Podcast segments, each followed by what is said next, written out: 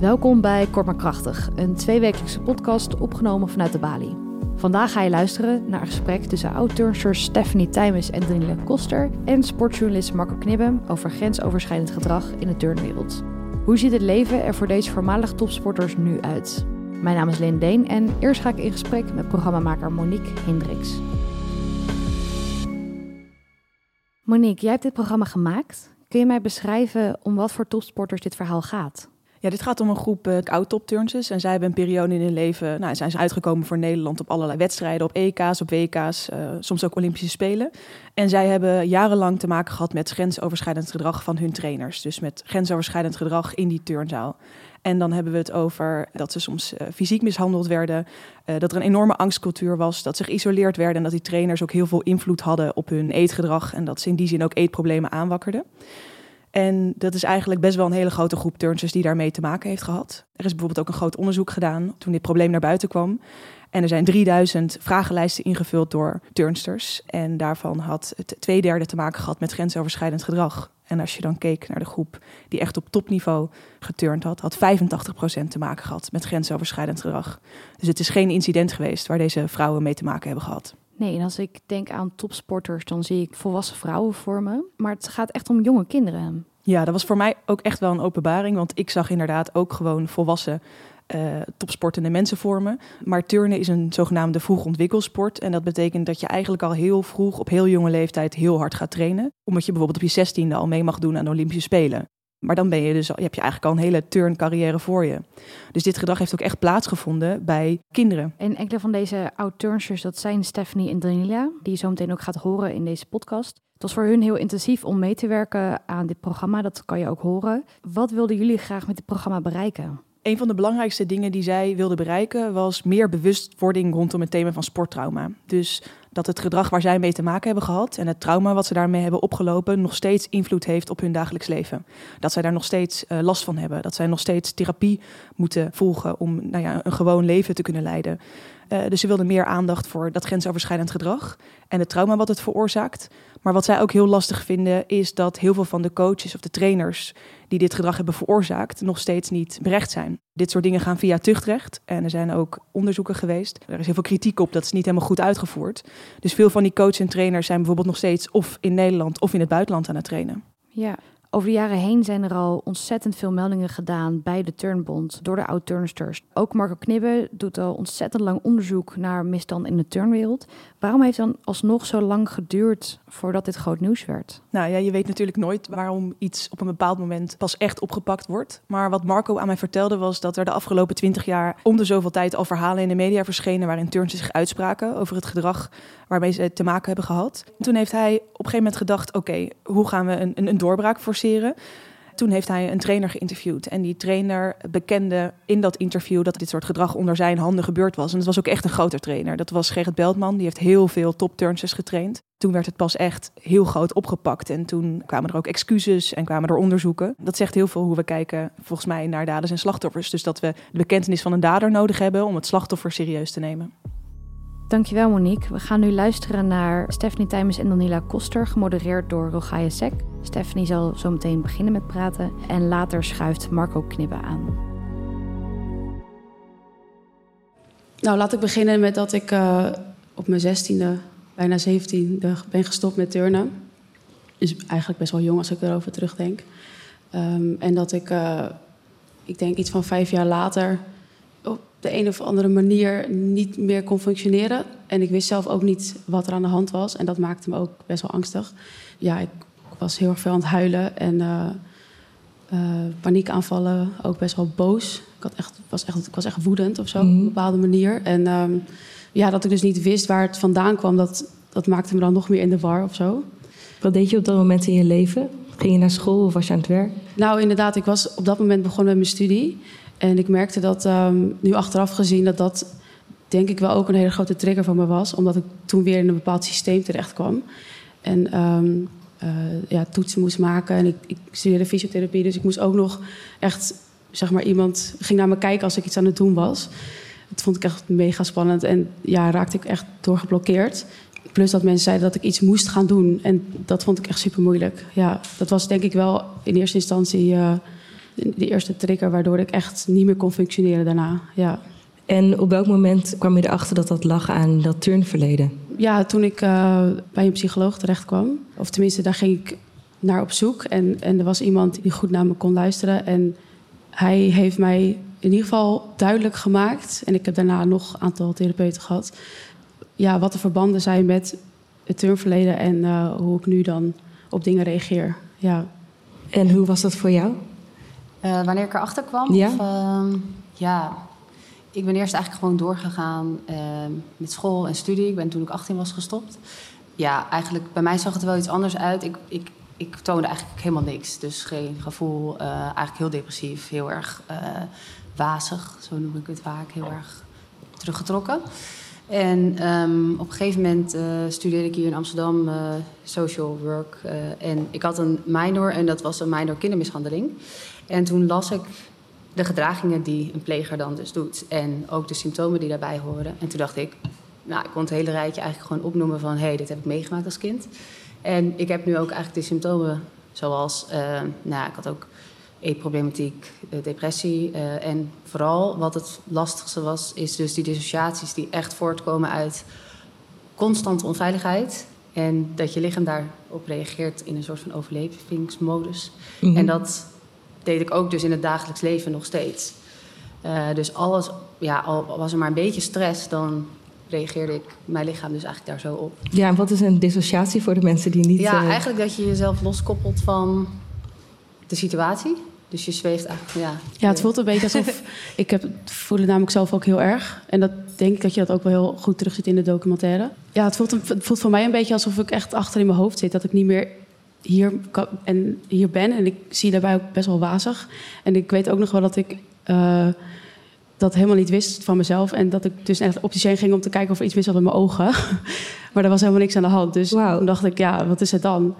Eh, want ik kon, in- ik kon het ook wel echt zien of zo. Als ik mijn best deed, dan, dan was ik niet dat ik niet kon lezen of zo. eh, als het ver weg was. mhm. Maar goed, later Was het ook al meteen de vraag die je toen Ja. stelde? Wat is het dan? Of dacht je toen van, oh, nou, niks met mijn ogen aan de hand... dan ga ik maar weer verder met Nee, mijn leven? ja, nee, ik dacht wel meteen van, wat is het dan? Want ik vind wel dat ik wazig zie. ik Mhm. zie het gewoon niet goed. Ja, en dat bleek dus die dissociatie te zijn. eh, ja, dat je... Ja. Ja, ook met heftige emoties. Dus eh, een overlijden van een dierbare. Eh, ik, reage- ik reageerde daar gewoon niet op. Terwijl ik ergens wel voelde, vond ik het heel erg. Alleen, ik schakelde mezelf gewoon uit. Want dat gevoel kon ik niet handelen. Dus dan ja. was er gewoon niks. Ja, Ja, Ja, het is, nog, het is ook, tenminste, ik weet niet hoe het bij jou is, maar ik voel het nu ook best wel erg. Want bij mij komt het heel erg op als ik vermoeid ben of als ik bepaalde spanning voel. Dus het stressniveau wordt hoger, dan wordt het erger. Dus nu eigenlijk ook. ja. ik moet nu wel echt mijn best doen om hier te blijven, omdat ik niet een soort van wegga van het eh, van ja, bewustzijn. eh. En hoe zijn die afgelopen twee jaar dan voor jullie geweest... waarin er eh, zoveel naar boven is gekomen vanuit de turnwereld? ja, intens. ja, het was echt heel heftig. Ja, het is natuurlijk ook wel eh, mede door ons, tenminste de groep turnsters, die hebben dat natuurlijk ook. eh, en Marco Knippen natuurlijk. Want hoe begon Eh. dat? Hoe begon, wanneer- hoe begon het moment dat je dacht... ik ga naar buiten treden met dit verhaal? Ja, Ja. nou, we waren eigenlijk, ja, volgens mij waren we een weekend weg. En eigenlijk hadden we het er gewoon al over. En voor mij, ik, ik, ik had het al een keer eerder, was al naar buiten gekomen met mijn verhaal. En daar werd eigenlijk niet zoveel mee gedaan. Dus voor mij was het niet per se nodig. Maar voor anderen, eh, ik voelde me wel gesterkt door, dat, door het collectief. Maar hoe kwam je dan tot zo'n collectief? Hoe wa- kwam je bij elkaar? Nou, het was vooral eerst ook natuurlijk anoniem. En dat is natuurlijk dan toch iets makkelijker om eh, naar Ja, dat is te natuurlijk wel het werk treden. van Marco. Ja, Ja, Marco hoe ging dat? Kan je dat vertellen? Hoe, dat, eh, Nou ja, hoe jullie bij elkaar kwamen? We En... werden benaderd door Marco Knippen en die, die, eh, die vertelde wat, wat, wat hij nog meer hoorde. En dat dit niet één meisje of één turnster was die met het verhaal eh, kwam eigenlijk. En, eh, en de bekentenis van Gerrit Beltman natuurlijk, die heeft wel de... Nou ja, eigenlijk was het ook wel... We hebben natuurlijk best wel veel al geprobeerd. Er zijn meiden geweest die hebben in het verleden in de media bijvoorbeeld zich uitgesproken. En eh, er zijn meiden geweest die hebben intern bijvoorbeeld bij de Turnbond al hun verhaal gedaan en gezegd van jongens, Ja. ga eens opletten, doe er wat mee, dit kan niet zo. En er werd gewoon niet naar geluisterd. Tenminste, ja, we werden aangehoord, maar goed, er werd in onze ogen eigenlijk niks mee gedaan. Dus eh, ja, we wilden gewoon impact maken. En eh, dat is ook de aanleiding geweest van de documentaire. Dat we dachten, ja, we moeten gewoon dan maar de impact gaan laten zien. Mhm. Wat het allemaal met je doet. Ja, misschien moeten we Marco Knippen dan naar voren vragen om uh, ook te vertellen vanuit zijn kant. Uh, onderzoeksjournalist en uh, heeft de misstanden in de turnwereld aan de kaart gesteld. Welkom en hoe ben jij betrokken geraakt bij dit dossier? Nou, ik uh, volg de turn al vrij lang. Daar kende ik eigenlijk ook Daniela en Stephanie van, van vroeger, zeg maar hun actieve jaren. Dat waren wel de jaren waarin al dingen opvielen en waar je het er wel eens over had. Maar inderdaad, er zat altijd ontkenning en uh, bagatellisatie. En toen kwam natuurlijk in coronatijd kwam die documentaire Athlete A mm -hmm. op Netflix. Velen zagen dat. Je merkte ook dat er in de turnwereld over gesproken werd. En toen kwam ik toevallig in contact met iemand waar ik zei van... dit zou eens een keer het moment moeten zijn dat een coach of trainer zijn of haar verantwoordelijkheid, uh, verantwoording wil nemen. En gewoon eens een keer wil schetsen wat er gebeurd is. Mm-hmm. En toen zei diegene tegen mij: Nou, ik sta toevallig in contact met iemand waarvan ik denk dat hij mogelijk uh, naar buiten wil. Ik wist toen nog niet dat het Gerrit Beltman was. Dus ik zei wel van het moet een gerenommeerd iemand zijn, want ik denk dat een clubcoach die verder onbekend is, dat gaat het verschil niet maken, hoe pijnlijk dat ook is. Ja, ik sta ervoor open als er iemand is die echt in dat wereldje diep heeft gezeten. Sta ik ervoor open om in contact te gaan en dan kijken we wel wat het uitkomt. En toen hoorde ik uiteraard dat diegene wilde, maar dat het ook Gerrit Beltman was. Toen wist ik, ja, dat is eigenlijk de trainer die voor velen synoniem staat aan wat er gebeurd is mm in de afgelopen decennia. En uh, toen heb ik hem benaderd, uh, één gesprek gevoerd waarin ik heel duidelijk heb gevraagd: wat is je reden dat je naar buiten wil? En wat was het antwoord voor hem daarop? Nou, in dat opzicht zei hij van: ik wil mijn verantwoordelijkheid pakken. Dat kon ik niet helemaal natuurlijk tot op, eigenlijk tot nu kan ik dat niet helemaal inschatten wat erachter zat. Ik denk dat het niet helemaal volledig oprecht is geweest, maar Allah. Uh, maar toen zei ik wel van de spelregel is wel dat ik wil dat je met de billen bloot gaat. In die zin en mij niet misbruikt om zeg maar ja, voor jezelf een schoon geweten te krijgen. Of, of misschien met een uh, andere betekenis uh, je straatje schoon te vegen. Ik kan tot het einde kan ik uitstappen. En andersom geef ik jou die ruimte ook. Als het niet goed voelt, dan, uh, dan kan je ook ja. uitstappen. En toen hebben we nog twee gesprekken gevoerd en hij trok zich niet terug. En dat leidde uiteindelijk tot de publicatie zoals die gebracht is. En, en daar zit natuurlijk een heel pijnlijk element aan, want hij sprak natuurlijk over een aantal oud-turnsters. Die behoorden tot die tien getuigenissen die op diezelfde dag naar buiten traden. Want ik wilde meteen dat totaalplaatje schetsen. En ergens had hij weer de regie over destijds jonge meiden, nu vrouwen. En bepaalde hij weer zeg maar, wat het ging doen. En dat is op welke manier het, bepaalde hij dat? Nou, de ophef die ontstond kwam omdat hij het breekijzer was. En dat is natuurlijk heel pijnlijk dat, dat zeg ja. maar oud-turnsters en turnsters decennia lang signalen afgeven, naar buiten treden, getuigenissen neerleggen. Niemand luistert, iedereen wuift het weg, stormpje, mm-hmm. wakkert even aan, gaat weer even hard liggen. En dan verdorie die trainer, die zeg maar voor sommigen letterlijk uh, de tiran was, die bepaalt eigenlijk dat het een dossier wordt. Ja, heb jij dat ook zo ervaren als pijnlijk? Um, ja, zeker wel. Dat het, dan, dat het op dat moment opeens wel werd opgepakt en geloofd, zeg maar. Ik had altijd het gevoel dat het niet... We werden altijd een beetje afgeserveerd. En zeker toen opeens, iedereen dook erop. Het, het, het was opeens waar. En dat ik echt dacht, huh? Kun je dat ja, nog herinneren, dat je naar de televisie keek of, uh, en hem zag spreken? Um, ja, dat heb ik nog wel voor me, ja. ja ik weet, de grootste impact van mij was eigenlijk alle reacties die we, die we kregen.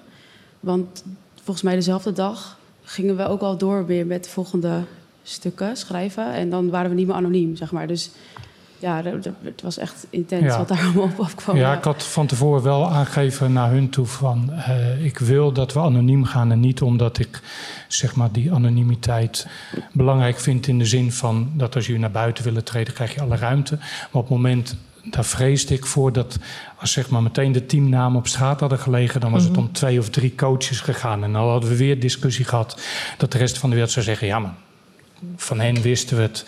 En voor de rest, het is geen patroon, het is geen cultuur. Dus ik wilde eerst die, dat patroon en die cultuur heel duidelijk maken. En duidelijk maken dat het vijf generaties betrof, die tien mm. turnsters. Tot een turnster die een half jaar ervoor of een jaar ervoor gestopt was.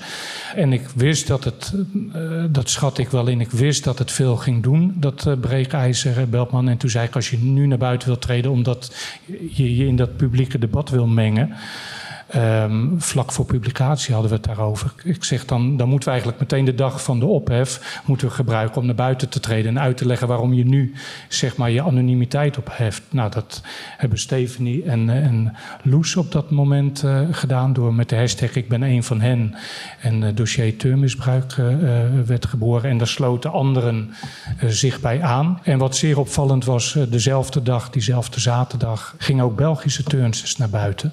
Maar die ook met toeval? Nou, dat was niet toeval, want die hadden ook met Beltman te maken gehad. Maar ik had niet verwacht, dat is het enige element geweest wat ik niet had ingeschat. Ja, dat het in België datzelfde weekend eigenlijk ook losging.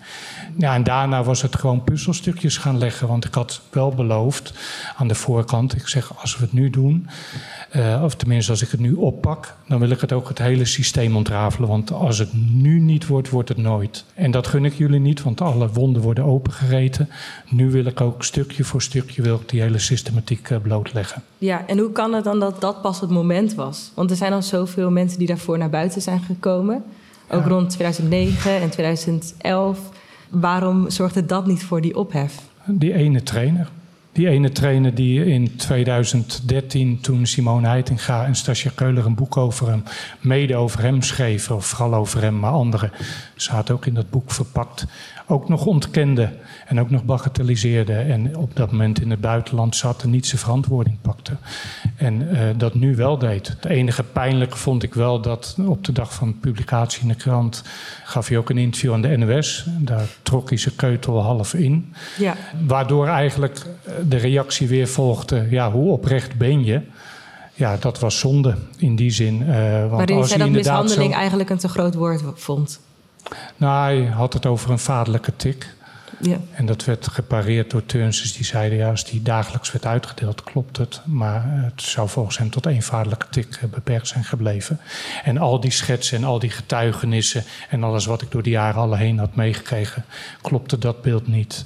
En dat maakt dat je tot op de dag van vandaag niet helemaal kan zeggen... hoe oprecht was het. Ja, en we hadden natuurlijk ook over dat uh, sporttrauma. Wat doet dat met je met dat trauma op dat moment dat je naar buiten treedt en dat je zoveel reacties krijgt? Ik vond het ergens.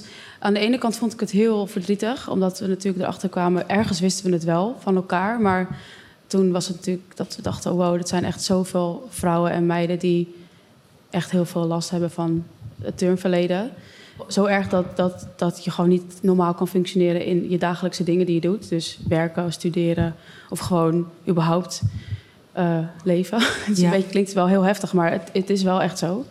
En aan de andere kant voelde, voelde ik me in ieder geval ook wel ergens versterkt of zo door dat ik dacht van ja, ik ben niet alleen en ik ben ook niet gek. Want ik dacht soms ook van ja, ligt het nou aan mij? Want dat is ook wat we natuurlijk hebben geleerd. Wij waren altijd degene die het altijd deden. En uh, de trainer die maakte ons natuurlijk altijd belachelijk. En uh, het was onze schuld als er iets niet, uh, iets niet goed ging. Of trouwens, als het wel goed ging, was het ook niet goed. maar ja, dus, dus ik dacht van ja, ik ben ook niet gek dat, dat het zo breed is en zo groot. Ja, ja dat is een beetje dubbel eigenlijk. Ja. Had, had jij daarvoor al door dat het echt zo systematisch was? Ja, ja zeker. Ja. Ik ben daarna ook uh, zelf nog als coach uh, in de turnwereld aan de slag uh, gegaan. Dus daar zag ik het. Ja, zag ik Wat waren dingen die je daar zag? Ja, misschien is dat voor een volgende. nee, nou nee, sowieso het systeem wat dat trainers gewoon macht hadden, dat, dat, dat was er nog steeds. En uh, dat je eigenlijk, ik had mijn mond natuurlijk ook open gedaan al eerder, dus ik merkte ook dat dat me niet echt in dank werd afgenomen. Mm -hmm. en, uh, maar ik, wat ik dus merkte toen het naar buiten kwam, ja. is bij mij dat het vooral heel erg die traumareactie opriep. Dus ik kreeg echt heel veel stress en paniek en mijn hele lichaam ging alleen maar op alert en aan. Dus ik heb volgens mij echt een paar dagen gewoon niet kunnen slapen, omdat mijn lichaam gewoon alleen maar aanstond. En we zijn dan nu twee jaar later. Uh, gaat het dan zeg maar wel in een stijgende lijn de goede kant op met het oplossen van dat ja, trauma? Ja. Nou ja, ik heb, ik heb daarvoor best wel intensieve traumatherapie gehad. Dus dat was eigenlijk net daarvoor en toen kwam alles. Dus ik had wel het idee dat het een soort van net goed getimed. Uh, en ik merk nu zeker eigenlijk wel door de erkennen. Al vind ik het ook nog steeds moeilijk om het echt, echt te zeggen van dit is er gebeurd. Want ergens denk ik nog steeds van het was normaal of het hoorde erbij. Alleen als ik dan met mensen erover praat, dan schrikken ze of dan denken ze, huh? Dus dat stukje erkenning heeft heel veel geholpen aan uiteindelijk mijn herstel. En ik zit nu ook in een omgeving waar ik niks meer met turnen te maken heb. En dan kom ik gewoon mensen tegen en volwassenen die gewoon aardig zijn. En dat is voor mij gewoon echt een hele nieuwe ervaring. Dat mensen aardig zijn en dat, ja, dat, dat, is, dat helpt heel, heel goed. Ja. Heb je als onderzoeksjournalist iemand gevonden die niet beschadigd uitgekomen is? Nee, uh, uiteraard uh, zullen er heel veel turns zijn die mooie tijd hebben beleefd. Uh, misschien meer in die onderlaag. Dat bleek natuurlijk ook uit het rapport van Marjan Hofs... dat het echt zeker in die topsportlaag heeft gezeten... waar op hele jonge leeftijd al 30 uur werd gedraaid. En helaas ken ik ook gewoon de voorbeelden van, van vrouwen... die niet naar buiten zijn getreden... en die gewoon echt letterlijk niet in deze maatschappij kunnen functioneren. Die gewoon uit de turnsport zijn gekomen... en nooit zeg maar, aan een studie meer zijn toegekomen... of aan werk toegekomen zijn en nog gewoon van therapeut naar therapeut gaan. Zijn het alleen vrouwen? Nee, het is breder. Alleen het verschil tussen vrouwen en mannenturnen is dat mannenturnen zeg maar redelijk ongeschonden de uh, puberteit kan doorkomen. Omdat het instapniveau wat uh, later ligt. En dat zo verhoudingsgewijs, dat verschuift wel wat tot op langere leeftijd door kunnen gaan. Dus eigenlijk in hun vormende jaren nog een beetje een eigen persoonlijkheid kunnen opbouwen. Ja, bij meisjes die natuurlijk vanaf 7, 8 jaar uh, in een trainingsregime komen van 20, 10, 20 naar 30 uur op het moment dat ze de puberteit ingaan, ja, dan ben je al beroofd, denk ik, van je persoonlijkheid voordat je het kan opbouwen. Uh, ik denk dat er inderdaad al heel veel is gezegd over uh, wat er allemaal is gebeurd. En uh, het trauma, dat mag echt nog wel uh, wat verduidelijkt worden. Omdat ik merk heel erg dat het um, niet echt begrepen wordt. Het is ook niet tastbaar natuurlijk. Dus, mm -hmm. En je kunt je ook misschien voorstellen dat als wij binnenkomen... dat we, ja, dat hebben we ook geleerd. Ja, we komen vrolijk binnen. We zien er hè, verzorgd uit, denk ik, hoop ik. uh, maar zeker. maar goed, er wordt niet echt gezien wat daar dan achter schuil gaat en uh, hoe je je dan eigenlijk voelt. Of dat je dan, als je heel gestrest bent, uh, naar de wc rent omdat je denkt, oh, even ontladen of zo. Dus dat, dat, dat mag van mij echt verduidelijkt worden voor, voor de mensen die daar misschien iets minder mee te maken hebben. Ik denk ook dat het in de film echt heel goed uh, naar ja. voren kwam. Ja. Uh, dus dat heel erg uh, bedankt ook daarvoor. Dat je eigenlijk een inkijkje hebt gegeven ja, in dat proces. Ja, ik merkte ook wel dat um, de reacties die ik, die ik kreeg vanuit na de docu dat hij op tv was geweest, dat niet alleen auteurs mij een berichtje stuurden, maar ook ja, andere mensen die met een trauma rondlopen en met dezelfde klachten leven dat die ook kwamen. En die waren het misschien niet eens echt een, een sporter geweest. Die, die hebben dat ergens ja. anders opgelopen. En dat uh, nou ja, verbaasde me niet, maar was natuurlijk wel heel mooi om te ervaren. Ja, ja. ja. ja ik sluit sowieso helemaal bij Stephanie aan. En de impact wat het heeft op iemands persoonlijkheid als je dit meemaakt. En dat je daar nog elke dag eigenlijk mee moet ja, dealen, struggelen. Ik denk dat mensen niet goed kunnen invoelen hoe dat is en hoe dat ook is voor je omgeving. Ja, en Marco, wat zijn de plekken waar aangesleuteld zou moeten worden? Nou, in zijn algemeenheid kan je denk ik zeggen dat uh, voor auteurs die lang niet gehoord zijn en nu wel de erkenning hebben gehad, uh, bij hun nu het gevoel begint te ontstaan: oké, okay, er ligt erkenning, we zijn gehoord. En we gaan over tot de orde van de dag. Dat is wat de buitenwereld heel graag wil. Maar er ligt nog zoveel verscholen leed achter. En je kan niet beginnen aan een nieuw tijdperk als je geen afscheid neemt van een oude puinzooi. Zo ja. moet je het omschrijven. En te meer omdat een deel van de, de coaches die hun verantwoordelijkheid niet hebben genomen nog altijd beeldbepalende coaches zijn in die zaal. En uh, je kan niet verlangen van een sport waarin zeg maar, de oude garde nog ergens de lakens uitdeelt. En dan wil ik ze wel bij naam noemen hoor. Ja. Uh, Louter, die nog voor moet komen bij het instituut Sportrechtspraak, waar Stephanie veel mee te maken heeft gehad. Vincent ja. Wevers en Danila. Vincent Wevers, die op geen enkele manier, vind ik, zelfreflectie heeft getoond Sterker nog, nu zijn commercieel team begint terwijl de, de tuchtprocedure nog loopt. Ja, dan denk ik van er ligt gewoon een brede opdracht voor het sportveld, maar ook voor de politiek om nu heel duidelijk te maken. Het zijn niet de coaches die die spelregels bepalen, maar het is gewoon de politiek volgens mij die moet instappen om de welzijnscriteria neer te leggen. En het is de bond die duidelijk moet maken, we slaan een nieuwe weg in, maar we hebben ook oog voor het verleden. En dat laatste, dat, laatste wat ik zeg, dat wordt nog wel eens overgeslagen. Dit was de Kort maar Krachtig van deze week. Over twee weken zijn we terug met een nieuwe aflevering en dan hoor je dit. Zij vertellen ons verhaal vanuit ons perspectief, maar geven ons de credits er niet voor, op een enkele uitzondering na. We worden dus opnieuw, maar op een andere manier uitgesloten. Wil jij nou zelf aanwezig zijn bij een van deze programma's? Hou dan onze socials in de gaten of abonneer je op onze nieuwsbrief, zodat jij als eerste hoort wanneer er weer een nieuw programma is. tot de volgende.